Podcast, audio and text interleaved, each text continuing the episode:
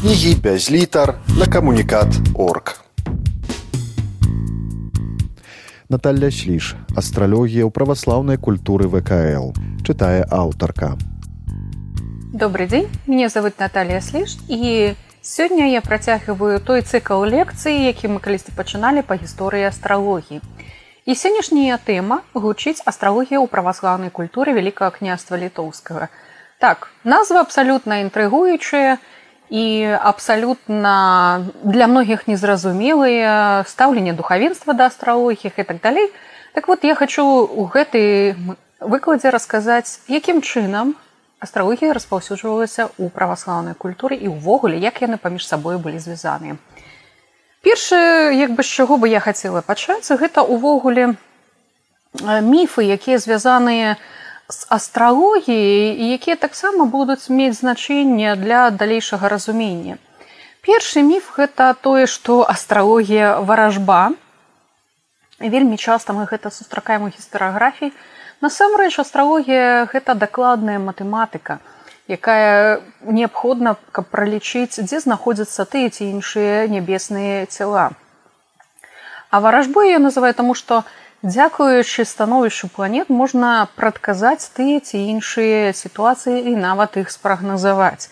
Але ні да якіх варажбы гэта не мае дачынення. Но так часта астралогію звязваюць з магіяй. Астралогія ў гэтым плане яна не з'яўляецца магіяй. Але Для таго, каб рабіць пэўныя магічныя рэчы, астралогія мае значэнне для таго, каб выбраць правільны час і правільны дзень, таму што астралогія гэтым непасрэдна займаецца. І яшчэ адзін міф, які бы я таксама хацела закрануць, гэта тое, што астралогія і астраномія у старажытнасці ў сярэднявеччы новым часе гэта было адно і тое ж. Насамрэч гэта абсалютна не. Таму што тэксты па астралогіі і тэксты па астраноміі гэта абсалютна розныя тэксты. І нават знакамітыя астролагі, такія як або машар, як, напрыклад, кеплер і іншыя, у іх асобныя тэксты па астралогіі, асобныя тэксты па матэматыцы і па іншых навуках. Таму што астролагі, як правіла, ва ўсе часы гэта былі навукоўцы, якія займаліся рознымі галінамі ведаў. І таму, калі мы чытаем тэкст па астралогіі, то ў ім бессэнсоўна шукаць астранамічныя пралейкі і гэтак далей. А калі мы чытаем тэкст матэматычны, таго ж або машара гэта будзе роўны выключна тэкст па матэматыцы.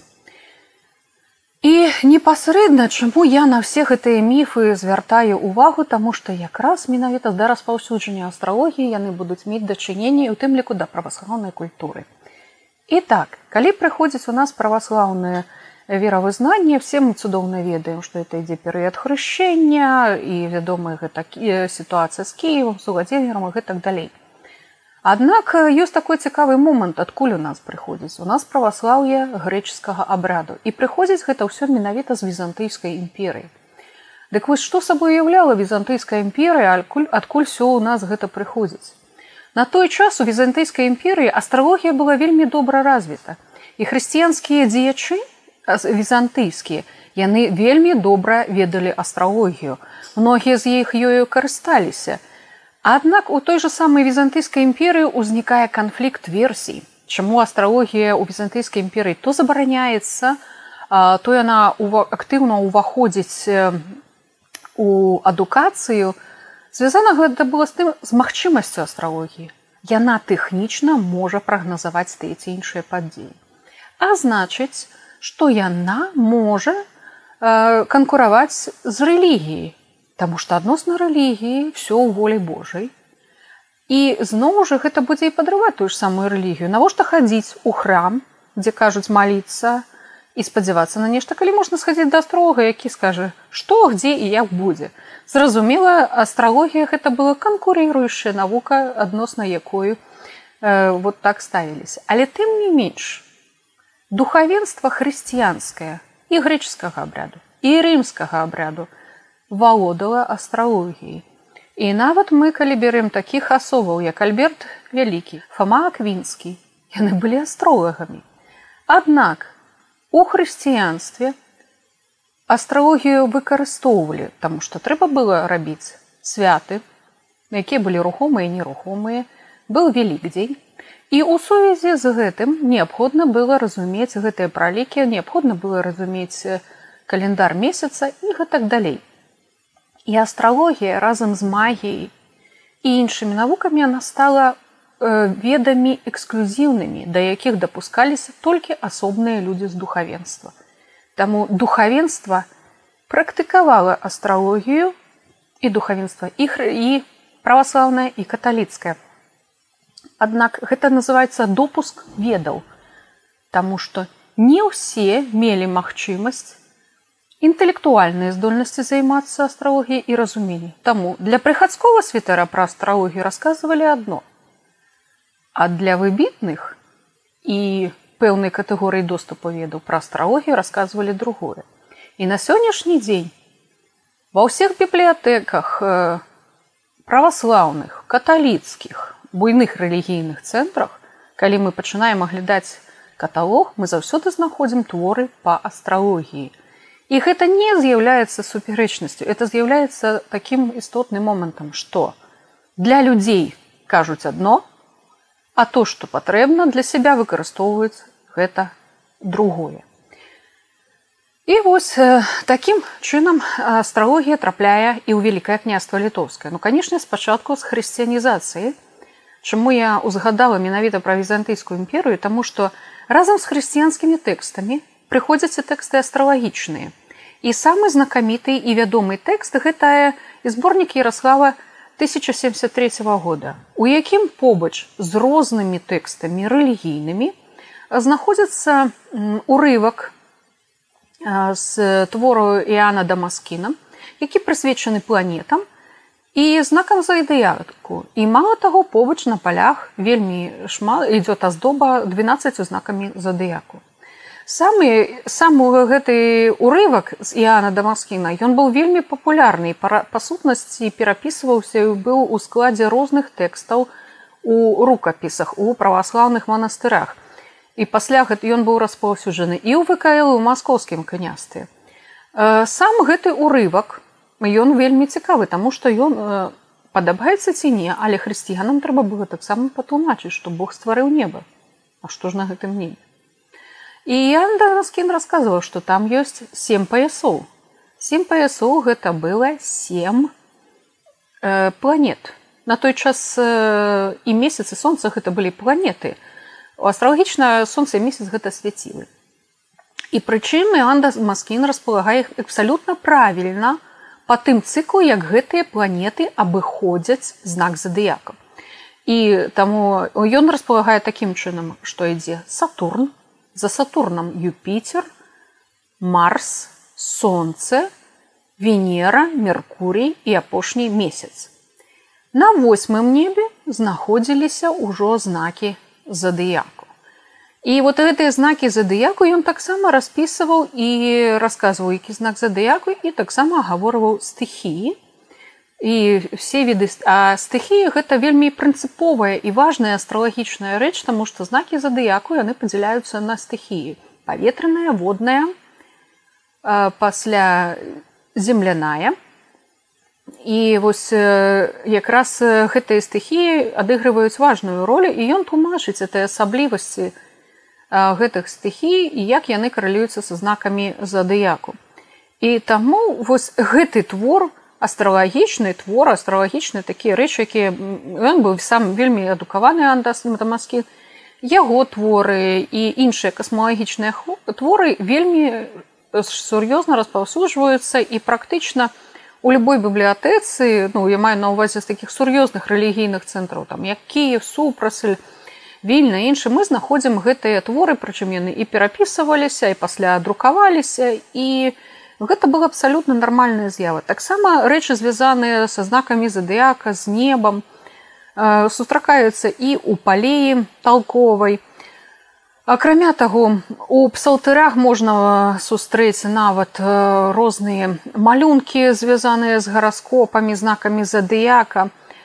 У рукапісах можна сустрэць і календары месяца, дзе распісана кожны дзень, як гэты дзень звязаны, напрыклад, з нараджэннямі дзяцей добра ці не дрэнна вот для нараджэння і гэтак далей то есть як бы тое што у праваслаўнай культуры з'яўляюцца астралагічныя тэксты это абсалютна нармальная рэч звязаная якраз яна была менавіта з візантыйскай спадчыны Таму што там гэта было вядома і зразумела акрамя таго у праваслаўнай культуры былі яшчэ распаўсюджаны спецыяльныя рукапісы дзе асобна збіраліся астралагічныя творы. Або у гэтых рукапісах можна было знайсці розныя і астралагічныя творы і нумералагічныя і вар... творы па варажбе. То есть гэтыя творы таксама захоўваліся у праваслаўных цэнтрах. І гэта была абсалютна нармальная з'ява, прычым яны перапісваліся, іх склад, канешне, мяняўся ад перапісчыка, але тым не менш такія творы мелі месца. На сённяшні дзень адзін з самых такіх вядомых твораў, які паходзіць супрасельскага манастыра і асобны его змест это арыстоцелевы варота або тайная тайных. І гэты твор арыстоцелевы вароты, чаму ён прыцягвае ўвагу у сярэднявеччы ён перакладаўся практычна на ўсе еўрапейскія мовы. І ён расказваў як бы творы арыстоцеля размаўляе з александром македонскім пра тое кіраваць, але ў тым ліку там і ідзе менавіта інфармацыя звязаная з таемнымі ведамі звязаныя з камянямі і іншымі рэчамі. То есть там астралогія таксама закранаецца і побач з гэтай з гэтым рукапісным творам тайны тайных былі яшчэ і цэлы шэраг астралагічных твораў і вось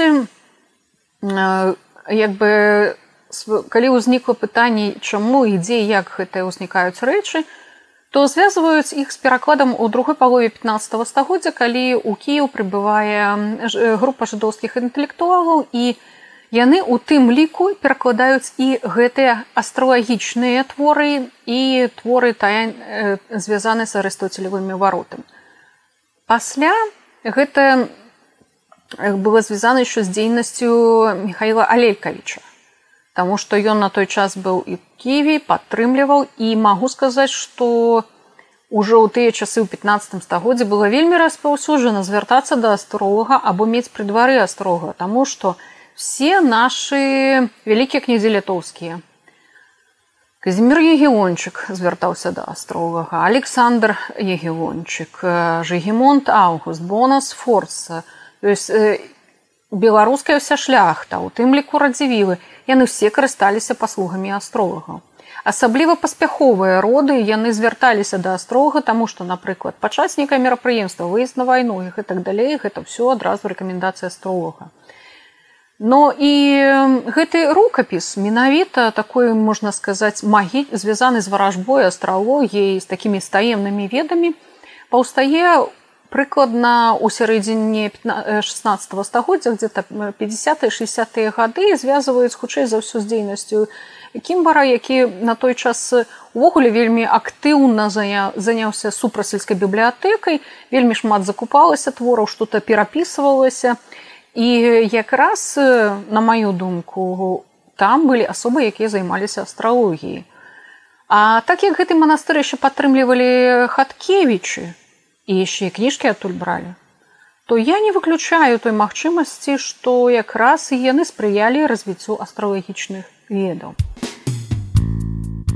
Наталля Сліш, астралогія ў праваслаўнай культуры ВКЛ, чытае аўтарка.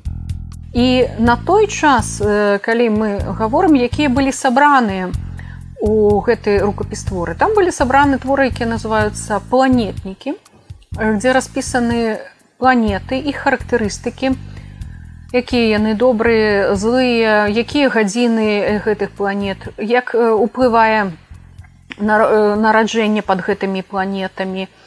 Асобна было яшчэ звязанае і распісаны па дням тыдня гадзіны гэтых планет. Кожная гадзіна была распісана, якая яна там Сатурна, Марса, Юпітера. І адпаведна ў гэтыя гадзіны это самыя простыя метады электыўнай астралогіі, калі для выбару той ці іншай справы мы выбіраем лепшую гадзіну. То есть, напрыклад, калі нам трэба выправіцца ў дарогу, вельмі добра выбраць гадзіну Меркурія. калі зладзіць вяселле то трэба выбіраць гадзіну венеры і гэта былі самыя такія простыя рэчы якія звязаныя былі вот з прадказальнай астрологі з электыўнай былі яшчэ такія як луннікі называюцца гэта былі яны звязаныя з медычнай астралогіі адзін варыянт лунніка калі э, месяц прахадзіў па знаках задыяку і гэта было таксама вельмі важна таму што э, было звязана з медыцынай. Калі трэба было зрабіць напрыклад пушчанне крыві то калі месяц праходзіць праз авен то нельга рабіць пушчанне крыві у ну, той часткай цела якую ён рэгулюе. Гэта все што звязана з галавою і вот такім чынам оно карысталася. Або напрыклад зноў жа калі месяц праходзі праз целец то вельмі добра у гэты перыяд браць шлюб. Ну калі месяц ідзе праз кадзірок то гэта не самы лепшы варыянт для таго каб взять шлюб. І быў яшчэ асобны лунны календар які быў распісаны на 30 дзён месяца і там было распісана для чаго кожны дзень таксама спрыяльны. Па сутнасці гэта была такая базовая астралагічная інфармацыя якую можна было карыстаць у штодзённым жыцці. І вось гэтыя творы у тых ці іншых э, варыяцыях я э, яны сустракаліся напрыклад у э, рукапісах якія былі распаўсюджаны на тэрыторыі вКл але пасля яны таксама і дахашлі да маскоўскага княства і сапраўды гэтыя творы перапісваліся. І адзіны шлях распаўсюджання гэта было якраз такі праваслаўная культура менавіта праз духавенства напрыклад у гэтым жа самым рукапісу ёсць на палях паметы і на пасля пазнейшы на старабеларускай мове пасля паметы па старапольску то есть бачна што рукапіс быў увесь час ва ўжытку і ён увесь час карыстаўся менавіта папулярнасцю. І таму, канешне, такія вось рукапісы былі не адзінкавыя. Адзінае, што мы на сённяшні дзень не заўсёды можам аднавіць все бібліятэкі і сказаць, што ўваходзіла ў іх склад. Таму што напраўда гэта мы перацярпелі вельмі шмат розных не самых лепшых падзей. Многія наши творы кніжкі рукапісы расцірушаны па ўсіх краінах свету. І конечно вот нават той же самы рукапіс супрасельскага манастыря он зараз знаходзіцца ў мінску.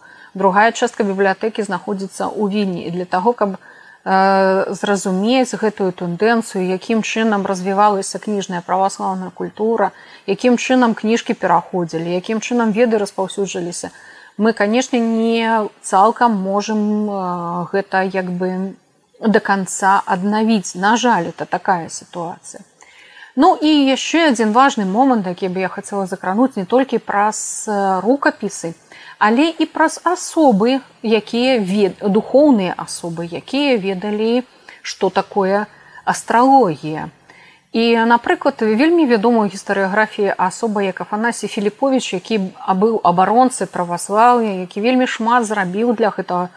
І звяртаўся да великка князя літоўскага і польскага караля уладзіслава четвертга з абароны праваслаўя і для таго ён лічыў што Прычым ён сапраўды вельмі важна лічыў як бы з пункту гледжання духоўнага, што той пераслед, які, які трывалі праваслаўныя ў той часах это была першая палова 17 стагоддзя, калі унія была прынята і унія якраз берасцейская пайшла за кошт праваслаўна, таму што менавіта не каталіцкія храмы забіраліся на карысць уніі, а праваслаўныя, і канфлікт які пасля пайшоў па ўсей краіне менавіта паміж рознымі суполкамі то э, сапраўды на гэта філіппович звяртаў вельмі правільна ўвагу што это прыводзіць да расколу грамадства ён звяртаўся да вышэйшай асобы ў краіне для таго каб яна гэта спыніла. І ён казаў ну прычым так мімаходам і толькі ведаючы астралогію чалавек можа это зразумець. В этом звароце ён казаў што калі все ж таки праваслаўе будзе абаронена не будзе такого прыгнечання краіна будзе жыць пры спрыянні меркурія і венеры. І узгадка гэта не быў не можа быць выпадковай Таму што і меркурій і венера спрыяюць багаццю развіццю. Меркурый спрыяе развіццю інтэлектуальнаму спрыяе адукацыі а венера спрыяе заўсёды дабрабыту. І канешне у гэтым плане такая апеляцыя да гэтых планет паказвае што ён разумеў што такое астралогія і астралагічны сімвалізм. Не факт што ён яе практыкаваў але разуменне было. І вельмі часта мы можемм сустракаць што людзі разумеюць напрыклад астралагічныя веды. Канешне но не все з іх практыкуючыя астролагі і это таксама істотны момант ну і побач я хацела яшчэ закрануць такую вельмі вядомую асобу якая ў большасці пасля зрэалізавалася у маскоўскім княстве. Гэта семён полацкі. І яго творы якія былі звязаныя з астралогіі Ён вельмі добра вядомы як сваю літаратурнай дзейнасцю як тым што ён пасля пераехаў і працаваў пры двары займаўся духоўнай дзейнасцю ў Маскве. Аднак калі ўважлі гэта таксама звярталася ўвагу на гістарыяграфію калі звярнуць увагу на яго творчасць у яго творчасці вельмі шмат астралагічных рэчаў. Напрыклад той же самы тэкст 12 месяцаў які распісвае знакі задыяка у яго ёсць тэксты беседы о планетах і дзе ён вельмі падрабязна распісвае планеты іх уласцівасці і яшчэ адзін такой же самы верш ёсць пра планеты ёсць асобны верш прысвечаны чатыром стыхіям І, канешне, у гэтым плане просто так такія творы не з'яўляюцца. Асобна ў яго была праца і прысвечаныя рэлігіі, ёсць зноў жа раздзел пра неба ёсць. І таксама у яго ёсць верш на нараджэнне Петра I, дзе ён сімвалічна распісвае яго гараскоп. І многія спрачалююцца у расійскай гістарыяграфіі ці складаў ён ці не складаў гараскопы як бы яго гараскопа не знойдзена аўтарства полацкага але тым не менш гэта паказвае што семён полацкі быў вельмі добра дасведчаны у астралагічных тэрмінах у планетах і ён мог гэты гараскопы нават і не складаць але ён мог ведаць перавагі гэтага гараскопа І ў гэтым вершы ўхваляць тое, якімі планетамі або якія планеты прынясуць карысць будучаму кіраўніку рассіі. І таму у гэтым плане абсалютна няма ніякага сумніву, што семён полацкі быў знаёмы з астралогіі, прычым ён і называў, што сярод семі навук вольных ён назваў не астраномію, якая называется а ён называў астралогію і для яго астралогія мела як бы вельмі і вельмі важное значэнне што паказана ў яго творчасці як бы такім чынам прадстаўляючы вот развіццё астралогіі праз праваслаўную культуру я бы хацела звярнуць увагу на такія моманты што астралогія была абсалютна нармальнай часткай культуры пра астралогію, яе вед, яе асаблівасці, што сабой уяўляюць планеты, як стыхіі працуюць, як працуе месяц, як працуе маладзік, поўня і гэтак далей, гэта все было вядома і цудоўна выкарыстоўвалася духавенствам. І гэта была такая галіна ведаў, якая практычна мела значэнне. І якраз у гэтых тэкстах Ну, я падкрэсліваю, што гэта адзін са шляхоў распаўсюджання астралагічных ведаў, што астралогія не прыйшла толькі выключна да нас праз праваславе, што, напрыклад, не было сваіх назіранняў і так далей.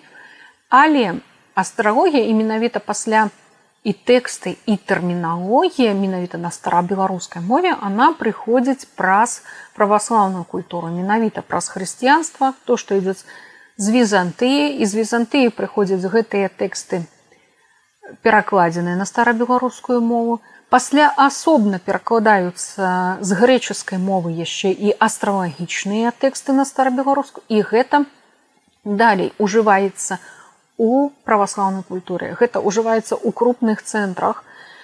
І гэтыя творы былі вядомыя і ў кіеве там і ў супраслі пасля і ў вільні і ў іншых мясцовасцях дзе былі у такія асяродкі. Таму што канешне наяўнасць царквы это не азначала што там будзе сур'ёзная бібліятэка. Для гэтага патрэбны быў асяродак адукацыйны чтобы пры манастыры была яшчэ і адукацыя. і у большасці канешне церкваў гэта былі толькі кніжкі для службы.